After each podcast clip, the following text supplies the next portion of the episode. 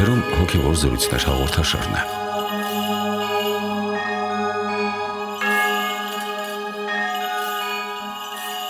Ողջույն սիրելի ունկնդիրներ, մեր այս հաղորդումը նվիրված է Սուրբ Խաչի խորհրդաբանությանը։ Զրուցելու ենք Տեր Մեսրոպ Քահանա Արամյանի հետ։ Օրնեցեք Տերեր։ Աստված օրհնի։ Եկեք նախ խոսենք հայ եկեղեցու Սուրբ Խաչին նվիրված տոների մասին, դրանք 4-ն են գիտենք՝ Խաչվերած, Գյուտխաչի, Խաչի Երևման տոնը եւ մեր ազգային Խաչին նվիրված տոնը, Վարագա Սուրբ Խաչը, եւ հայ մշակույթի մեջ մեր պատկերավորման այդ արվեստի մեջ խաչի նշանակությունը, դերը, ցաղկյա հայկական խաչը դրա առանձնահատկությունների մասին։ Խաչը ընդհանրապես քրիստոնեական հավատքի խորհրդանիշն է որտեվ խաչի վրա իր սուրբ պատարակն է մատուցել մեր Տեր Հիսուս Քրիստոս։ Նա ինքն իրեն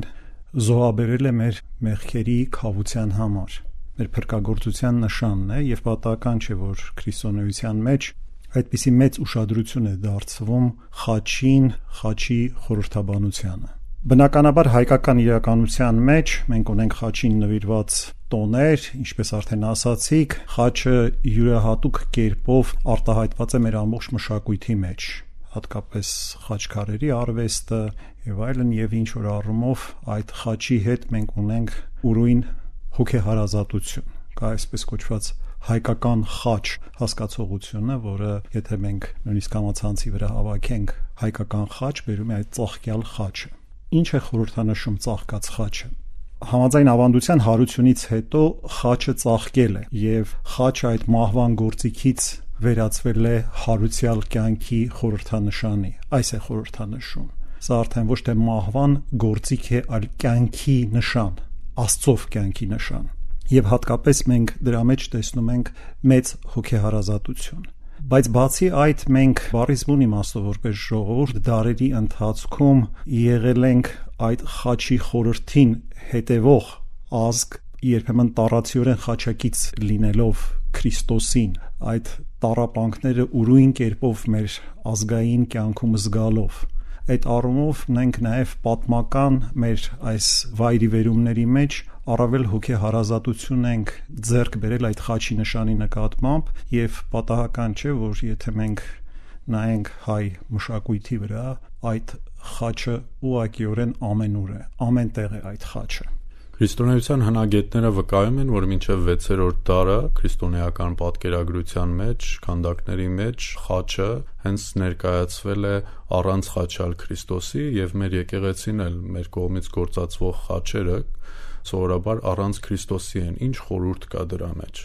Մենք ունենք նաև խաչյալ Քրիստոսով պատկերներ մանրանկարչության մեջ, օրինակ Թորոս Ռոսլինի խաչքարերի մեջ էլ ունենք, իհարկե դրանք շատ մեծ տեղ չեն զբաղեցնում, եւ ուղղակիորեն ասել թե պատճառը ինչումն է, որ առանց խաչյալ Քրիստոսի է Գուցե հարուցյալ Քրիստոսին ենք ակնարկում դրանով, որ մենք պաշտում ենք հարուցյալ Քրիստոսին։ Այո, նախ եւ առաջ դա, ինչպես արդեն ասացի, ծաղկած խաչի մեջ արդեն մենք դա ենք ցույց տալիս հարության գաղափարը, նոր կյանքի գաղափարը։ Գիտեք, ընդհանրապես կարելի ասել հին շրջանում պատկերագրության մեջ մի քիչ եղել են զուսպ, դա նախորդ դարերից փոխանցված, հին հրեական ավանդությունից փոխանցված մի երևույթ է, որ Աստծուն պատկերել հնարավոր չէ, այսինքն պատկերագրությունը ավելի ուշ շրջանում է առաջացել մարդկանց մեջ ավելի տպավորական ներգործություն ստեղծելու, այսինքն առաջի դարերում, առաջի շրջանում, այսպես ասենք, քրիստոնեության ավելի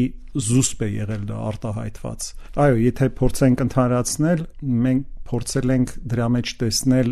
հարության խորհուրդը։ Մենք Գիտենք, որ վաղ դարերից էլ խաչը վերածվել է քրիստոնեության կենտրոնական սիմվոլի եւ հենց վաղ ջատագովական շրջանից էլ շատ են եղել քրիստոնյաներին հասցեագրված այն մեղադրանքները, որ դրա մեջ կռապաշտության տար կա, բայց եկեղեցու հայրերը Տերտուղյանոսը, Խեմես Ալեքսանդրացին, Բարնաբասը իր պարականոն նամակում անդրադարձել են այն իրականությանը, որ մենք պաշտում ենք ոչ թե խաչը, այլ խաչյալին եւ հակառակ այդ քրիստոնեությունը խաչի պաշտամունքի համար ծանակողներին Պողոս Արաքյալն էլ իր կորթացիներին ուղված առաջին թղթում ասում է կորստյան մատնվածների համար խաչի քարոզությունը հիմարություն է, իսկ մեզ փրկվածներից համար Աստծո զորություն։ Եվ իրոք այստեղ Հարց է առաջանում, ինչու այդ սոսկալի մահվան գործիքը վերջիվերջո ընտրվեց որպես քրիստոնեության կենտրոնական սիմվոլ։ Ես հիշում եմ մի հիանալի ֆրանսիացի գրող կա Էրիխ Իմանուել Շմիդ, որ ունի ավետարան ըստ Պիղատոսի գործը, այնտեղ նա խոսում է հետհարության շրջանում, վաղ քրիստոնեական շրջանում Պիղատոսի այդ տպավորությունների եւ վերստին խոհերի մասին Քրիստոսի խաչելության շուրջ Եվ Պիղատոսը բարձրաձայն մտածում է իր կրոջ Կլավդիայի ներկայությամբ, ասում է. Երուսաղեմի ավազների վրա շատանում են այդ խաչի սիմվոլները, ինչպես կարելի է այդ սոսկալի մահվան գործիքը դարձնել աշտամունքի սիմվոլ։ Ինչու ոչ կախաղան, ինչու ոչ կացին խաչը, ինչու եք վերցրել։ Եվ Կլավդիան պատասխանում է իր ամուսնուն, ասում է. Թեկուզ եւ այդ սիմվոլը սոսկալի է, բայց խաչի վրա է, որ Հիսուս ցույց տվեց մեզ ամենագլխավորը Կարծում եմ սրա մեջ ինչ որ բանալի կա այդ պատասխանի։ Խաչը շատ մեծ խորհուրդներ է իր մեջ պարունակում եւ ոչ մի պատահականություն չկա, որ հենց այդ ճանապարհով է Տերը նախընտրել իր գլխավոր ճակատամարտը մղել այդ սիմվոլի վրա, իր գլխավոր ճակատամարտը մահվան եւ չարի դեմ շատ տարբեր ճառեր ունեն եկեղեցու հայրերը, որտեղ գեղեցիկ կերպով մեկնաբանում են խաչի խորուրդը, կարելի է հիշել Դավիթ անհախտի Ներփողյանը Սուրբ խաչին նվիրված, որտեղ շատ գեղեցիկ կերպով ինքը բացում է մեզ խաչի խորուրդը։ Սուրբ Գրիգոր Տաթևացին ասում է, որ Աստված արարչագործելիս իր ձեռքին խաչի նշան է ունեցել։ Սա շատ խորը բան է մեզ փոխանցում, որ խաչը դա էգզիստենցիալ մի խորհրդանիշ է։ Եվ մենք տեսնում ենք ավետարանում նաև մինչև խաչ բարձրանալը Տերը ասում է ով կամենում է իմ յետևից գալ, թող վերցնի իր խաչը եւ ինձ հետևի։ Սա նշանակում է, որ մարդը ունի իր ուրույն խաչը։ Դա մի բան է, որը նկարագրում է մարդուն, ինչ որ առումով մարդը խաչ է։ Եթե մարդը པարզում է зерքերը ու կանգնում է ու իր աղոթքն է հղում առ Աստված, ինքը վերածվում է խաչի նշանի։ Խաչի խորհրդաբանությունը շատ խորն է։ Խաչում արտահայտված է եւ այդ ուղահայացը, աստվածային ներկայությունը մեր մեջ եւ հորիզոնականը, մեր այս մարդկային իրականությունը։ Եվ աստվածայինը եւ մարդկայինը մեկ հանգույցով կապված են իրար։ Եվ դա սիրո հանգույցն է։ Խաչի վերաբերյալ շատ գեղեցիկ սիմվոլներ կան եւ եկեղեցու հայրերը ասում են, որ խաչը հենց կենաց ծառն է եւ խաչից կախված, այսինքն Քրիստոս այդ կենաց ծառի պտուղն է։ Եվ մենք հաղորդության ժամանակ հենց ճաշակում ենք այդ պտուղը, նրա պատարակը, նրա մարմինը եւ արյունը։ Ուրեմն մենք տեսնում ենք, որ խաչի խորհուրդը շատ խորն է եւ ոչ մի պատահականություն չկա, որ խաչի վրա հենց Տերը մատուցեց իր պատարակը, որովհետեւ այդ խաչը մի գոյաբանական էգզիստենցիալ սիմվոլ է ընդհանրապես եւ քրիստոնեության ինքնությունը արդեն արտահայտվում է հենց այդ խաչի նշանով Պողոս Արաքյալ ասում է «Քավ լիցի ինձ པարծենալ որևէ այլ բանով, քան Քրիստոսի խաչով, որով աշխարհը խաչված է ինձ համար եւ ես աշխարհի համար»։ Շատ կարեւոր են այս խոսքերը։ Այսինքն սա մեր սիմվոլն է, բայց այդ սիմվոլը ենթադրում է որոշակի գործողություն, որոշակի խաչակցություն Քրիստոսին։ Եվ ասում է, որով աշխարհը խաչված է ինձ համար, այսինքն աշխարհիկ բոլոր բաները, բոլոր երևույթները, որոնք կապված են մեղքի հետ, որտեղ այս աշխարհ հասկացողությունը նույնանում է հայրաբանական գրականության մեջ մեղքի աշխարհ հետ, ասում է գալիս է այս աշխարհի իշխանը։ Այստեղ նկատի չունի Աստծո արարչագործությունը, այլ աշխարհը իր բոլոր մեղքերով, գայթակղություններով, հրապույժներով եւ խապկանքներով։ Ասում է այն խաչված է ինձ համար։ Եվ ավելի ուժեղացնում ասած ասում է եւ ես էլ խաչված եմ աշխարհի համար այսինքն աշխարհը ոչ միայն ես մերժել եմ այլ նաեւ այդ աշխարհի ներգործականությունը դադարած է իմ մեջ այնպես որ սրանք շատ խորը գաղափարներ են կապված խաչի խորհրդի հետ եւ ես կարծում եմ որ եթե մենք վերլուծելու լինենք ամբողջ քրիստոնեությունը այդ վերլուծությունը կարող ենք ընդհանրապես այդ խաչի մեկնաբանություններով, եթե փորձենք մտնել այդ խաչի մեկնաբանությունների մեջ, մենք շատ խորը պատկերացում կկազմենք քրիստոնեական ճանապարհի մասին։ Եվ ամեն մեկը սպիտի մտածենք, թե ինչ է նշանակում վերցնել մեր խաչը եւ գնալ Քրիստոսի հետ։ Մենք որոշակի առումով մարդիկս խաչ ենք Հավատքը խաչ է, խաչի ճանապարհ է։ Եթե հավատքը մենք այլ կերպ ենք ընկալում, ինչ որ մի գաղափարախոսություն կամ ինչ որ փախուստ իրականությունից եւ այլն, մենք ըստ էության չենք հասկանում հավատքը ինչ է։ Հավատքը մենք հասկանում ենք միայն այն ժամանակ, երբ հասկանում ենք, որ այդ հավատքը խաչ է եւ խաչակցություն է Քրիստոսին։ Հիշատակեցիք այդ համատես ավետարանում կրկնվող Հիսուսի խոսքը, որ ժողովրդին ասում է, ով որ չվերցնի իր խաչն ու չգա իմ ետևից, չի կարող իմ աշակերտը լինել։ Այստեղ հետաքրքիր մեկնողական դրվագ կա։ Հիսուս խոսում է ոչ թե ակնարկելով իրեն սпасվող խաչի չարչրանքները, այլ այնպիսի մի պատկերավորումով է խոսում ժողովրդի հետ, որը վստահաբար հрьяաներին ծանոթ էր, հрьяաները լինելով հռոմեական իշխանության տակ, արդեն վստահաբար տեսել էին այդ խաչի մահվան դատապարտված հանցագործներին կրելիս իրենց խաչը եւ վստահաբար այդ պատկերն իրենց ծանոթ էր եւ հետաքրքիր է որ սովորաբար մեր օրերում էլ երբ տեսնում ենք առաջնորդները իրենց հետևորդներ են ուզում փնտրել ինչ որ դրական խոստումնալից առաջարկներ են իրենց անում ավելի լավատեսական պատկեր են իրենց առաջարկում բայց Հիսուս բերում է հայտարյանային վստահաբար շոկի մատնած մի դրվակ որ իրեն հետևելը նման է խաչին դատապարտված հանցագործին, որ կրում է այդ ծանր խաչը իր մեղքերը, այդ ամբողջ կյանքի փորձությունները եւ նրան այդպիսի մի ճանապարհ է սպասում։ Սրանով նա կարծես թե արդեն ներկայացնում է բոլոր իր հետևորդներին քրիստոնյաներին, թե ինչ է իրականում իրեն հետևել եւ ինչ է իրեն սպասվում։ Եվ ինչ որ առումով Քրիստոս նաև մարդկանց պատրաստում էր այդ խաչին, որի վրա ինքը պետք է բարձրանար։ Եվ ինչպես արդեն ասացի, արարչագործության սկզբից այդ խաչը ներկա է որպես խորուրդ։ Մենք տեսնում ենք ամբողջ արարչության մեջ խաչասերում բառն ենք օգտագործում կենսաբանության մեջ խաչը արկա է ֆիզիկական երևույթներում եւ այլն այսինքն ինքը արարչագործության մեջ արդեն արտացոլված շատ խորը սիմվոլ է շատ խորը սիմվոլ է։ Եվ այո, ինչ որ առումով նաև հрьяաների համար հասկանալի, ի վերջո խաչը լինելով մահվան գործիք, ինքը նաև ինչ որ առումով մերժման գործիք էր։ Այսինքն ինչ որ բանի վրա խաչ դնել նշանակում է ինչ որ բան մերժել, Խաչը նշանակում է նաև մերելություն այս աշխարհի նկատմամբ, խաչվել այս աշխարհի նկատմամբ նշանակում է հեռանալ այս աշխարհից եւ այլն։ Բայց արդեն հարության խորհրդով մենք տեսնում ենք, որ դա պարզապես մերժում չի, դա պարզապես ինչ որ մի բանի վրա խաչ դնել չի, այլ նոր կյանքի հնարավորություն, այսա լրիվ նորություն էր։ Այդ աստվածայինի ներկայությունը մեր մեջ եւ մարդու հետ անխզելիորեն անբաժանելիորեն միավորվելը սա լրիվ նորություն էր, սա քրիստոնեությամբ մեզ բացվեց, որ Աստված մարդ դարձավ եւ անբաժանելիորեն միավորվեց մարդկային բնության հետ։ Այսպիսի մտերմություն մենք չենք տեսնում հին ուխտում, երբևիցե չենք տեսնում եւ որևէ կրոնում չենք տեսնում։ Եվ այդ մտերմության ամբողջ խորուրդը մարդկության հետ Աստված բացեց խաչի վրա։ Հիմա նաև մի փոքր անդրադառնանք այն բանին, թե արդյոք խաչի նշանը ընդհանրապես կրապաշտություն է, թե ոչ, սա իհարկե անհեթեթություն է, այսպիսի բան ասելը, որովհետև խաչը մենք խաչյալից անբաժան չենք դիտում եւ գիտեք որ մենք ընդհանրապես քրիստոնեության մեջ օրհնում ենք խաչը խաչեր տանում ենք եկեղեցի եւ օրհնում ենք որովհետեւ հավարում ենք որ օրհնված խաչն է որ ունի զորություն Այսինքն խաչին միանում է Քրիստոսի հարության աներևույթ զորությունը, նրա չարչարանքների զորությունը, եւ այդ խաչը դառնում է լրիվ այլ նշան, փրկagorցության նշան է դառնում։ Այսինքն, երբ մենք խաչը պաշտում ենք, ոչ թե նյութն ենք պաշտում, այլ խաչի զորությունը, սրանք լրիվ տարբեր հասկացություններ են այնպես որ խաչի պաշտամունքը անվանել կրապաշտություն դա ընդհանրապես անմտություն է։ Այդ դեպքում Պողոս Արաքյալն ինչու է ասում քավլիցի ինձ པարծենալ բայց միայն մեր Տեր Հիսուս Քրիստոսի խաչով։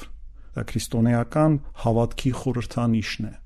Ինչպես է որ խաչի վրա տիրոջ չարչարանքները, տիրոջ հաղթանակը մահվան նկատմամբ, որ նա տարավ խաչի վրա, դառնում է մերը։ Մենք գիտենք, որ Պետրոս Առաքյալն իր առաջին ընդհանրական թղթում ասում է. նա մեր մեղքերն իր մարմնով բարձրացրեց խաչապայտի վրա եւ նրա վերքերով մենք բժշկվեցինք։ Ինչպես է որ մեկ մարդու Աստվածամարդու Աստծո որդու չարչարանքները տարածվեցին ամենքիս վրա եւ մենք կարող ենք դրանից բաժին ունենալ։ Այն ամենը ինչ որ ավետարանում կատարվել է,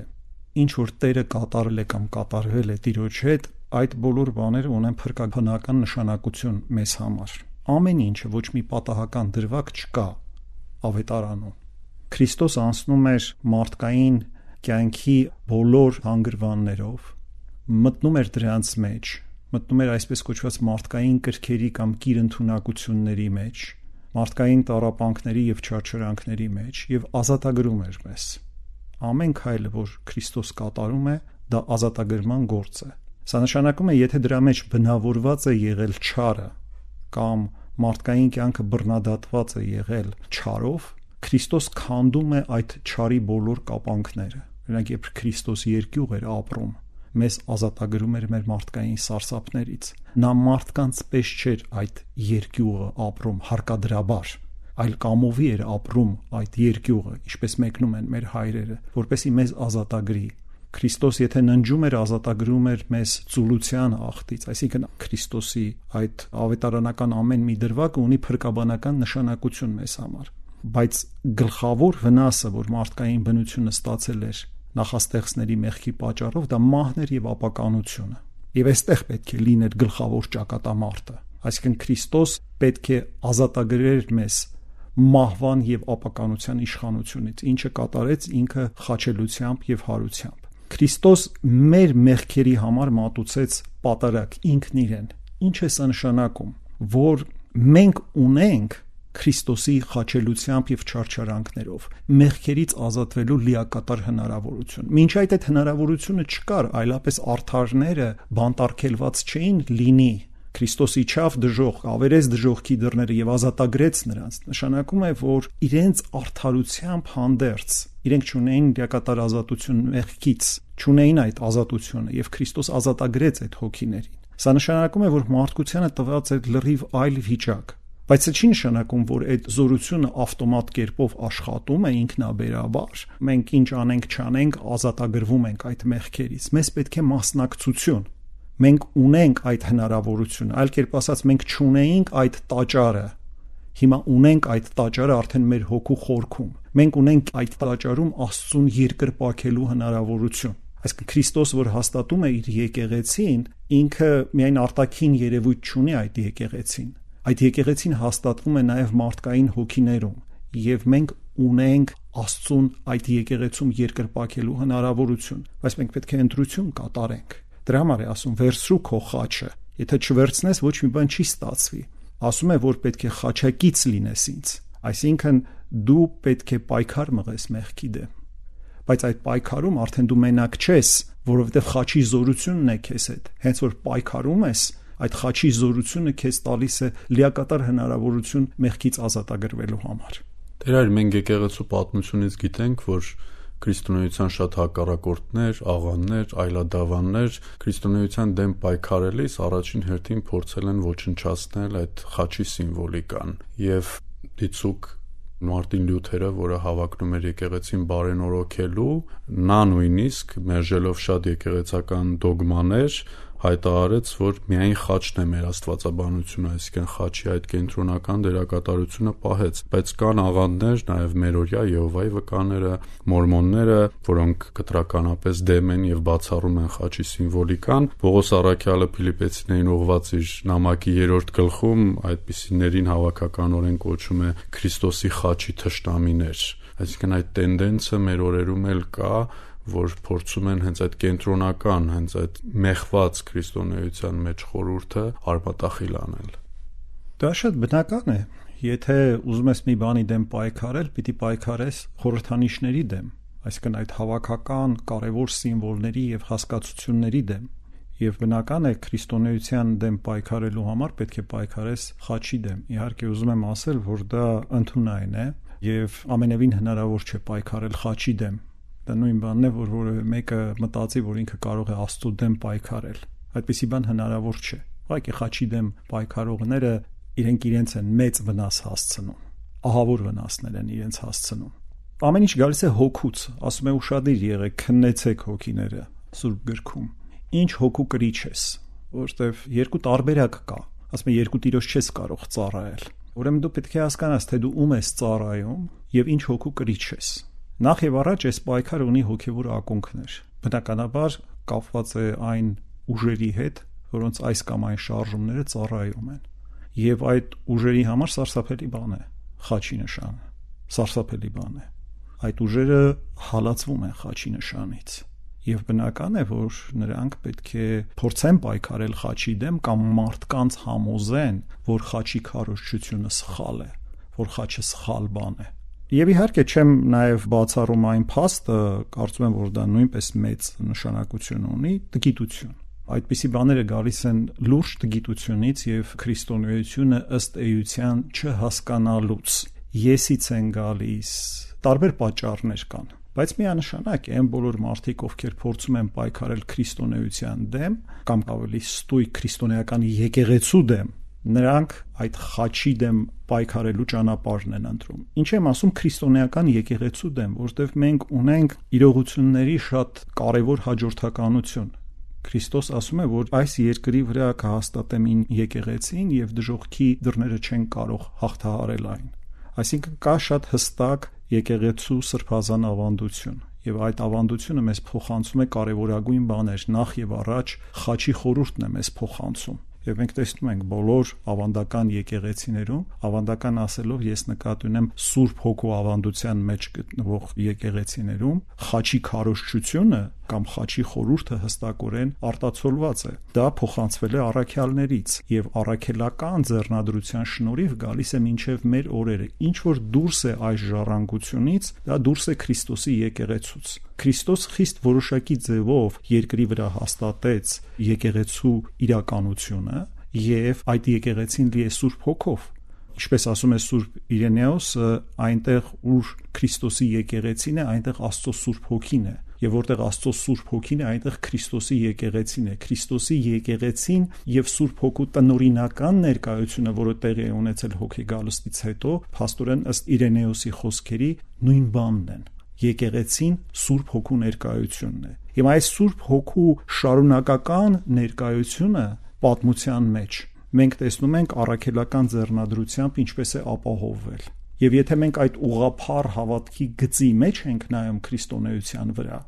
մենք հստակորեն տեսնում ենք ուղափառ հավատքի մեջ խաչի կարևորագույն, գերագույն նշանակությունը։ Իսկ ինչը դուրս է ուղափառ հավատքից։ Դա ըստ էության կամ քրիստոնեության խեղումն է, այլասերումն է քրիստոնեության կամ ընդհակառակը քրիստոնեության դեմ ուղղակիորեն բացահայտ պայքար է։ Եվ քանի որ քրիստոնեությունը խարսխված է այդ խաչի քարոզի վրա, հենց դրա հետևողությամբ էլ պատմության դարերի ընթացքում խաչն անարգել է կամ խաչից հրաժարվել է հավասարացվել է ուրացման հետ։ Գիտենք մուսուլմանական աշխարհում էլ, դիցուկ Ճապոնիայում, երբ ճիզվիտ քարոզիչները քրիստոնեությունը էին փորձում տարածել, բոլոր նրանց, ում հravirում էին ուրանալ իրենց կրոնը, առաջարկում էին ոտք դնել խաչելության վրա այսինքն հենց դա նույնացվում էր ուրացման հետ խաչից հրաժարումը եւ նաեւ մեկ ուրիշ պատմական իրողության վրա էլ ուշադրություն հրավիրենք որ խաչը, քանի որ հայ ժողովուրդը այդպես փարված է եղել խաչի խորհրդին, դա նաև հսկայական ազգապահպանական նշանակություն է ունեցել։ Վերջերս ցեղասպանության թանգարանում բացվել էր նոր ցուցադրություն, այդ թրքացվել փորձող հայ երեխաների մասին, որ թուրքական կառավարությունը հատուկ որփանոցներում փորձում էր հայ երեխաներին թրքացնել կամ նրանց ում բռնի մուսուլմանության են դարձրել, այդ երեխաները, այդ բռնի մուսուլմանություն ընդունած մարդիկ իրենք թաքուն պահում էին խաչի սիմվոլը իրենց մոտ, թաքուն խաչակնքվում էին եւ տասնամյակներ նույնիսկ անց, երբ իրենք արդեն մոռացած էին լինում իրենց ընտանիքը, իրենց լեզուն անգամ, այդ խաչը իրենց հիշեցնում էր իրենց ինքնության, իրենց դավանության մասին։ Այո, խաչից կարճելով ըստ էության մարդիկ որոշակի ձևով պահպանում էին իրենց քրիստոնեական ինքնությունը։ Իհարկե պետք է ասել, որ ուրիշ հնարավորություն չեն ունեցել այդ մարդիկ այդ ցեղասպանությունից վերապրածները, բայց հավանաբար հոգով նրանք այդ խաչի հետ նույնացրել են շատ բան, թեպետ միգուցե գիտակցաբար հեռացել են դրանից, բայց հոգով դա իրենց համար շատ մեծ նշանակություն է ունեցել։ Հետաքրքիր է, որ հիշեցիք, որ քրիստոնեությունը ուրանալու համար պահանջում էին օրինակ շատ տեղերում, այդ թվում Ճապոնիայում խաչը տրորել ոտի տակ առնել խաչը։ Մի գեղեցիկ ֆիլմ կա Սկորցեզեի Լրություն ֆիլմը, որը կարծում եմ ամենախորը ֆիլմերից մեկն է ընդհանրապես քրիստոնեության մասին։ Այնտեղ շատ գեղեցիկ կերպով նկարագրված է այդ ամենը, շատ դաժան պատկերներ են, ինչ էր տիրում այնտեղ։ Ինչևէ, եթե դու ուրանում ես խաչը, ուրանում ես Քրիստոսին, ուրանում ես խաչյալին, որտեվ խաչը դա պարզապես նշան չէ, դա խաչյալի զորության ուղակի արտահայտությունն է այս աշխարհում, եւ եթե պահպանում ես հավատարմությունը խաչի նկատմամբ, ըստ էության դու պահպանում ես հավատարմությունը խաչյալի նկատմամբ։ Բայց ինչ է նշանակում պահպանել այդ հավատարմությունը, որտեվ մենք տեսնում ենք խաչի նշանի հետ կապված նաեւ շատ այլ բաներ, խաչը դառնում է սուվենիր օրինակ։ Տեսեք ամենուր խաչ է խաչը վերցնում են, ուղղակի կախում են մեքենայում կամ այլ տեղերում, առանց շատ հաճախ անդրադառնալու թե ինչ է խաչը իրենց համար, առանց տարական ծանոթություն ունենալու իրենց փրկաբանությանը եւ իրենց հավատքին։ Էնպես որ այստեղ նույնպես կան շատ շեղումներ շատ տարօրինակ սնահավատություններ եւ այլն խաչին պետք է մոտենալ հավատքով խաչին պետք է մոտենալ ըստ էության խաչին նույնիսկ ես կասեի, որ պետք է աղոթքով մոտենալ։ Մենք պարզապես չենք խաչակնկվում,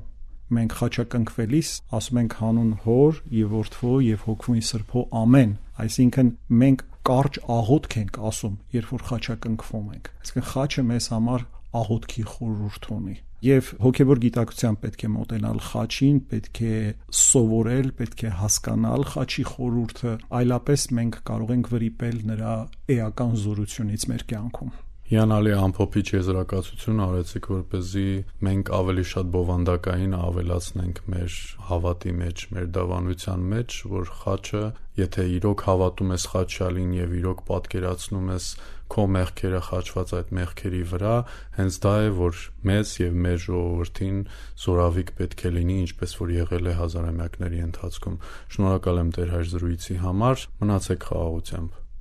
Thank you.